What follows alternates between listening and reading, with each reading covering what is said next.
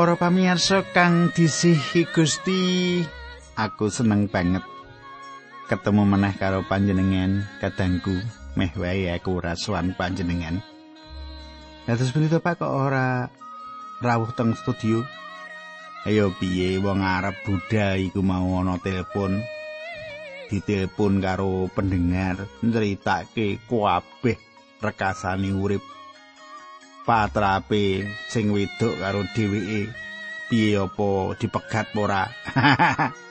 Usarane ya kudu ning telepon ya kudu nyeritani ngandani warna-warna supaya dadi wong percaya ki akeh sabare tinimbang akeh umepe. Mengkono ya. Nang katangku kang tak tresani dongaku panjenengan ora ndi.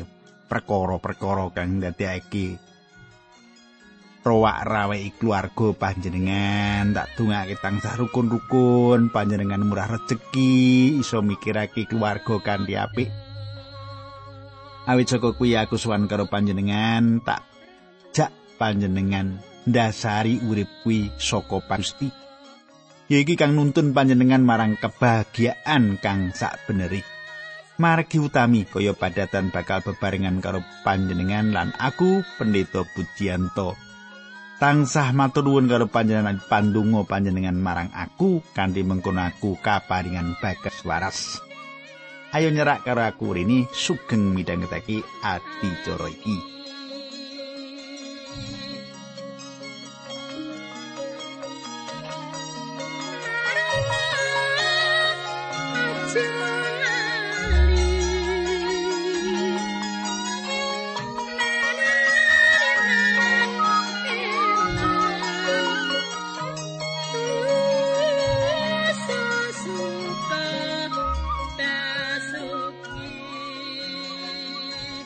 Katangku, panjenengan mesin cek kelingan.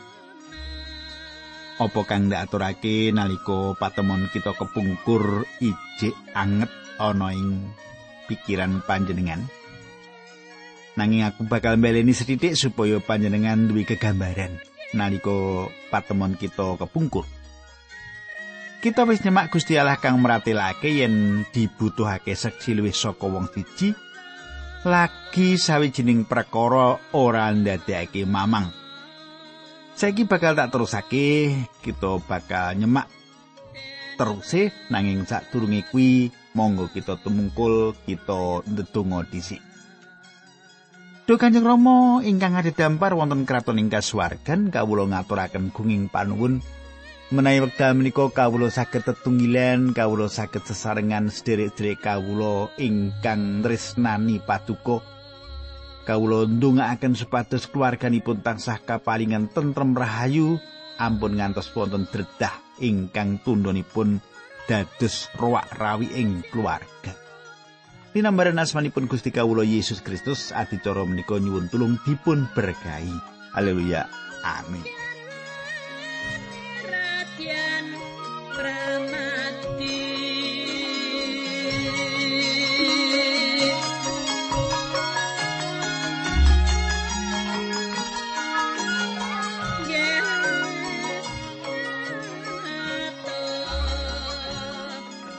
Kadangku kang dak tesani pasenan kita saiki wis nganti ing kitab pengandaring Torat bab 20.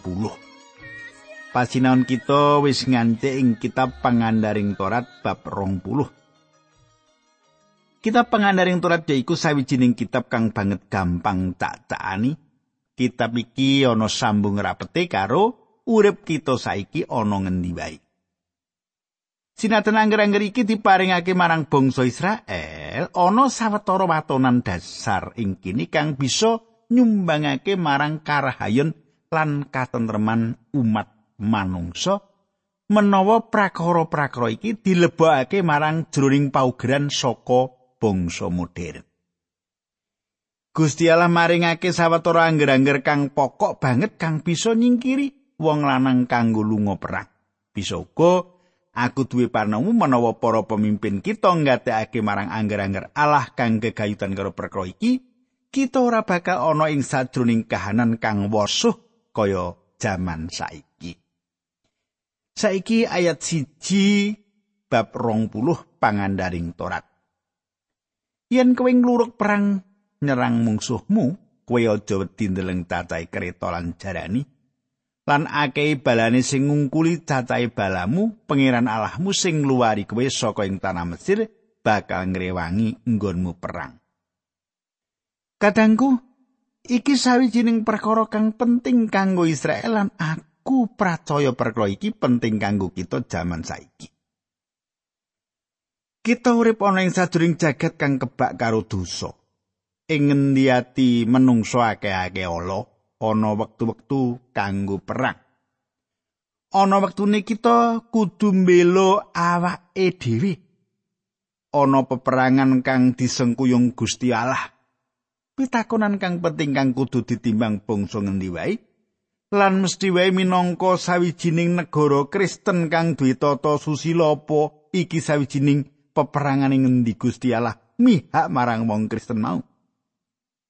Menawa Gusti Allah ora nganti, mula aja kita nindakake. Jenenge perang mesti ora dadi kersane Gusti Allah. Minangka jejering warga negara Kristen, duwe tata susila apa-apa, perang iku ora dadi keparengi Gusti, mula ora susah perang ngono lho. seket loro lan telu. Sedurunge maju perang kudu ana imam sing ndawuhake sabdane Allah mengkini, para sedulur, wong Israel padha rungokno. Ing dina iki kowe arep maju perang aja wedi karo mungsuh-mungsuhmu, aja cilik atimu lan aja gugup. Ayat papat. Pengiran Allahmu bakal perang bareng karo kowe lan panjenengani bakal maringi kamenangan karo kowe. Katangku, Iki sawijining perkara kang penting banget ana ing sadroning peperangan. Panjenengan kudu mesthekake yen panjenengan kuwi ana ing pihake Gusti Allah. Gusti Allah paring dawuh marang umat kagungane iki supaya merangi bangsa-bangsa iki lan paring prasetyo yen panjenengane bakal nganti umat kagungane. Saiki Gusti Allah maringi patang kahanan utawa patang alasan kang bisa wong ora melu perang. Ayat 5.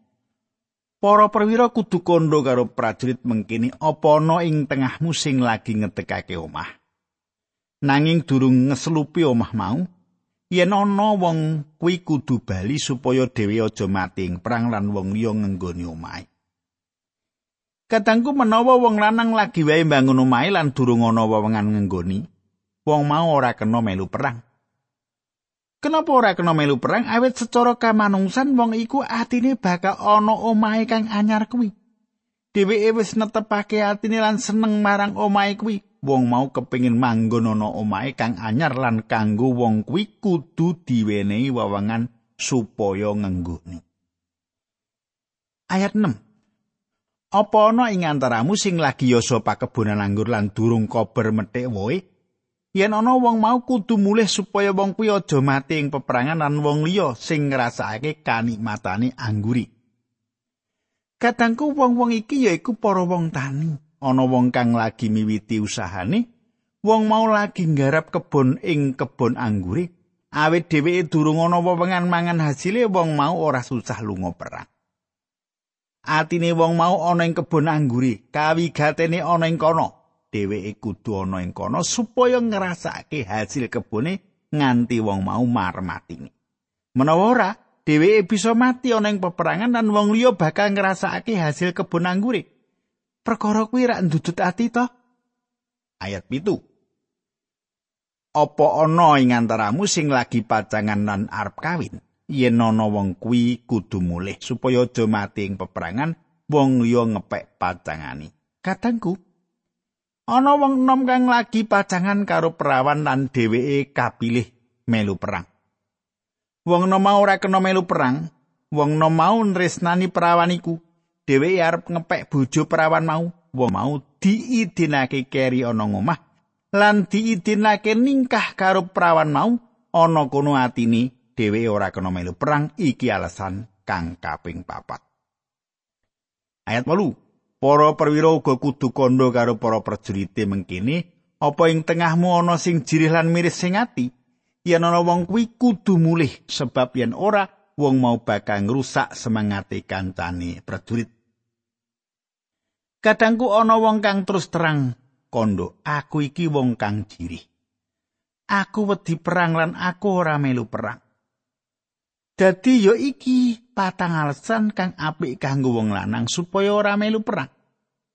Aku ora bisa nggunakake alasan siji loro lan telu nanging aku bisa nggunakake alasan kang kaping papat. Yen ana wong lanang rumangsa wedi atine ringke kebak rasa wedi wong ora usah melu perang. Angger-angger iki diterapake marang prajurit Gideon. Panjenengan bisa uga kelingan yen Gideon miwiti kanthi prajurit kang gungunge gedhe yaiku 32.000 prajurit kang baris bareng karo dheweke kanggo nguwalake bangsa iki, bangsa Israel saka panindese wong Midian kang wis njarah hasil panene. Gusti ngendika marang Gideon yen prajurit kuwi kakean lan sapa wae kang rumangsa wedi apike mulih. Katangku, nalika pratela iki dikandhakake 22 ewu wong nata alat-alat perang banjur mulih. Sebanjure Gusti Allah ngilingake marang Gideon yen prajurit isih kakean, kepiye nggone nyaring prajurit mau? Para prajurit mau lakune tekaning sawijining kali lan saperangan prajurit mau nglebokake sikile lan tangane ing kali mau nalika ngombe. Liyane mung nyiduk banyu nganggo tangan kaya asu lan tetep ing sajroning siaga perang. Para prajurit iki pengin banget nyerang musuhe lan ngrampungake tugasi.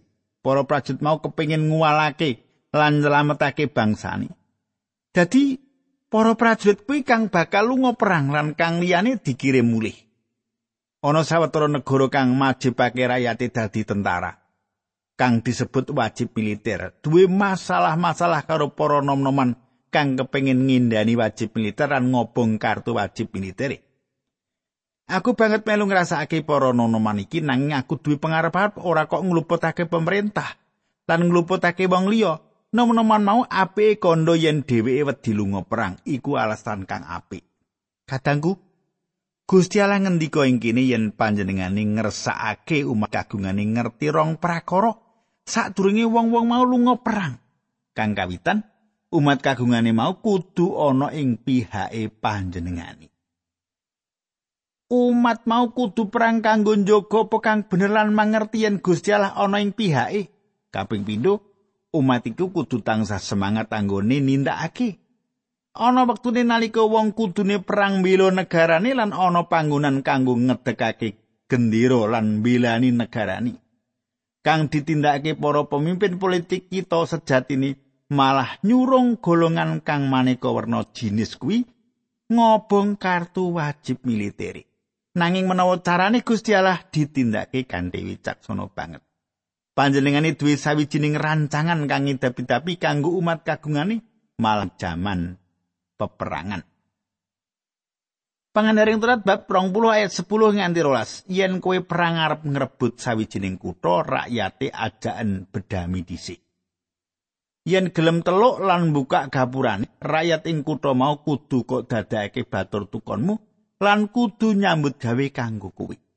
Nanging yen rakyate kutha mau ora gelem teluk malah milih perang, kutha kuwi banjur kepungan. Kadangku kang dak tresnani iki sawijining watonan utama meneh kang dipratelakake.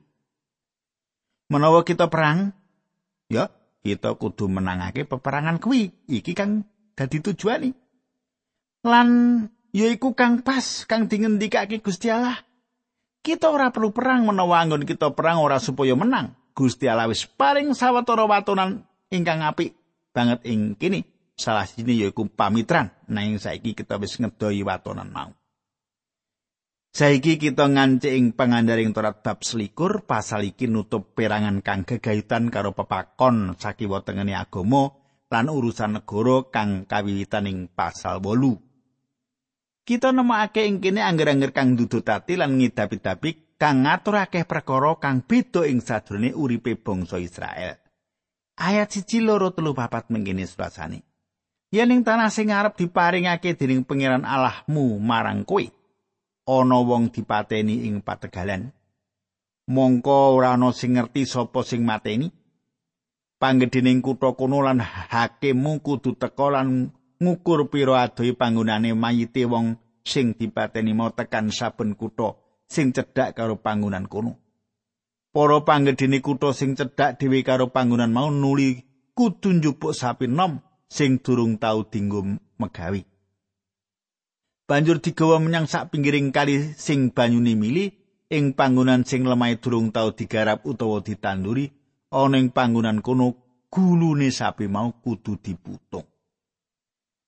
Kadangku menawa wong cetha wis dipateni lan layone wis ditemokake, mula para pengedene kutha kudu ngukur papan kutha ngendi kang cerak dewi saka papan anggone mateni wong kuwi. Mula kutha kuwi kudu tanggung jawab atas raja pati kuwi. Iku ora teges yen wong mau dipateni ing kutha iku, nanging kutha iku tetep bakal dianggep tanggung jawab yaiku kang kudu ditindakake umat Israel mau. Saiki ayat 5 nganti ayat 9. Para imam Lewi kudu melu mrono merga dheweke sing kudu mutusi saking perkara tukar padu utawa rajapati. Para imam iki wis dipilih dening pangeran Allahmu kanggo ngladosi panjenengane lan nglantarake berkah atas asmani. Para pangkutha mau kudu wisuh tangan ing sak sapi mau karo ngucap sanes kula ingkang mejahi tiyang menika lan kula mboten sumerep sinten ingkang tumindak. Gusti mugi kersa ngapunten Israel umat paduka ingkang sampun paduka luwari saking tanah Mesir. Kersa paring pangapunten dhateng kula sedaya lan kula sampun ngantos kapurih nanggel kaleparanipun tiang ingkang mejahi tiang peres.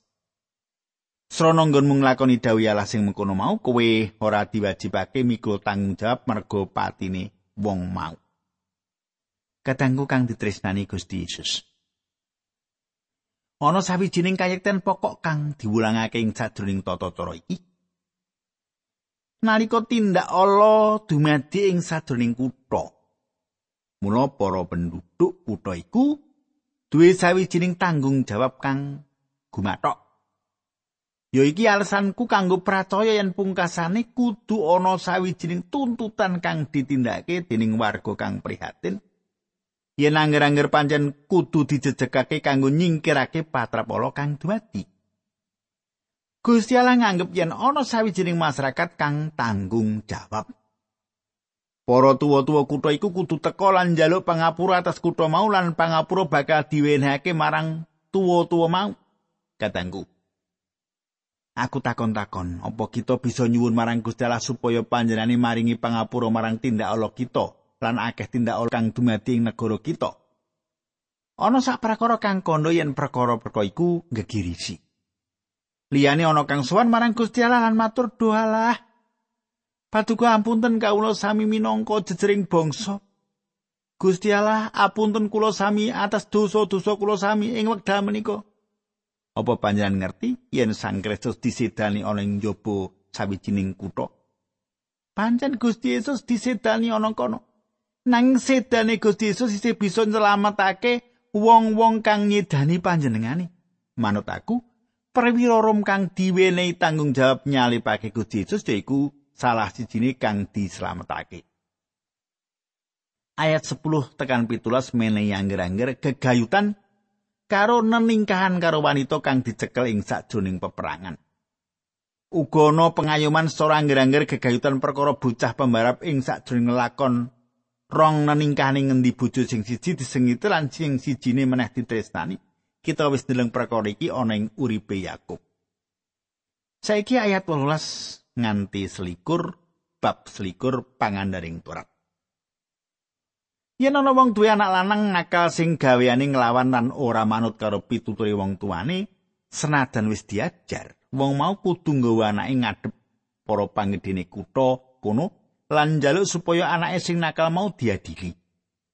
Karo muni mekene anak kula niki nakal, dameli nglawan lan mboten manut pituture tiyang sepuh. Dameli ngeceh-ceh harta lan remenane ndem-ndeman. Wong-wong lanang ing kutha kono kudu mbenturi bocah menganggo watu nganti mati. Mengkono carane nggonmu mbrantas piyala mau supaya saben wong Israel sing krungu bab lelakon mau padha Kadangku nggak tresnani ya iki angger-angger bab anak kang ilang.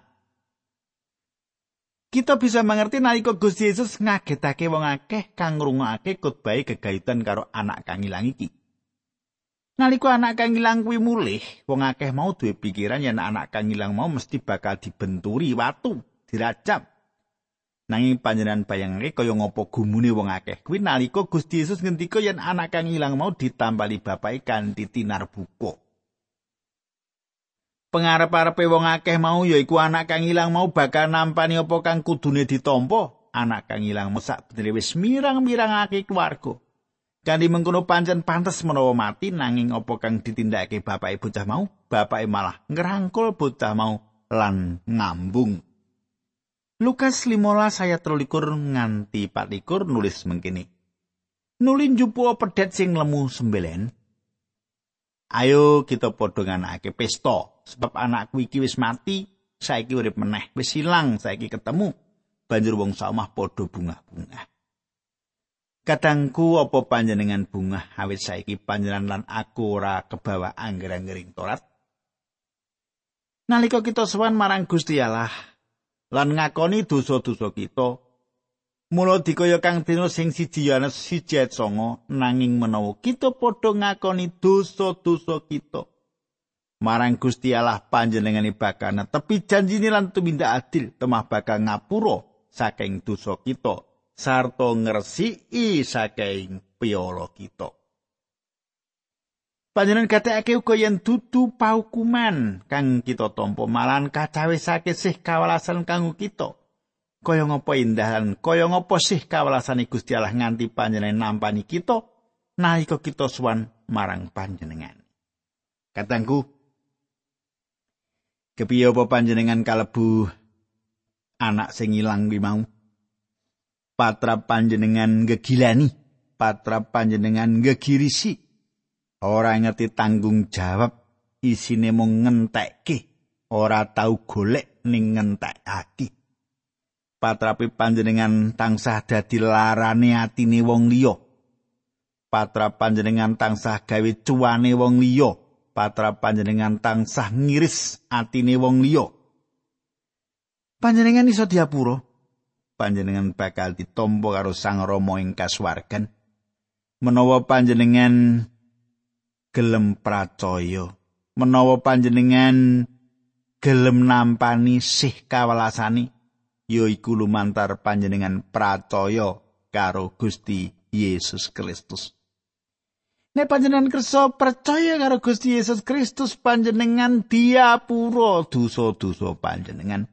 panjenengan ditampa mlebu ing pasamune Gusti panjenengan duwi warisan kasuwargan kaya pangandikani Gusti wong sing pracaya kuwi kawarisan kasuwargan panjenengan iso deleng ing Rom 8 ayat 17 lan sakterusé Nah katangku tak cukupi semene dhisik andaranku kita ndedonga nanging sadurunge ndedonga aku ngaturake salam dhisik marang Bapak Lagio.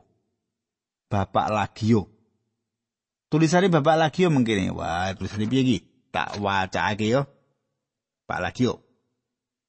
Sinadano menika nembe nderek Gusti Yesus Kristus Pak Puji. Nanging saged nderek ngraosaken sih rahmatipun Gusti ingkang saged kula rasaken lan kula saged nyemak laku jantaranipun tiang-tiang ingkang pimateng paduka. Kok paduka?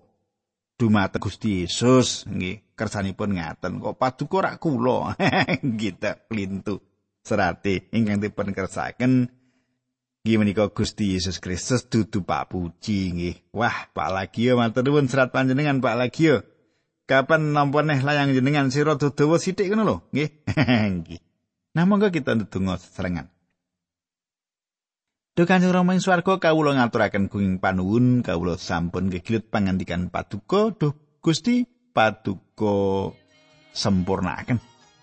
Awit namung Sang Roh Suci kemawon ingkang saged nyempurnaaken. Menapa ingkang sampun abdi paduka andharaken? Linambaran asmanipun Gusti Yesus Kristus kawula donga. Haleluya. Amin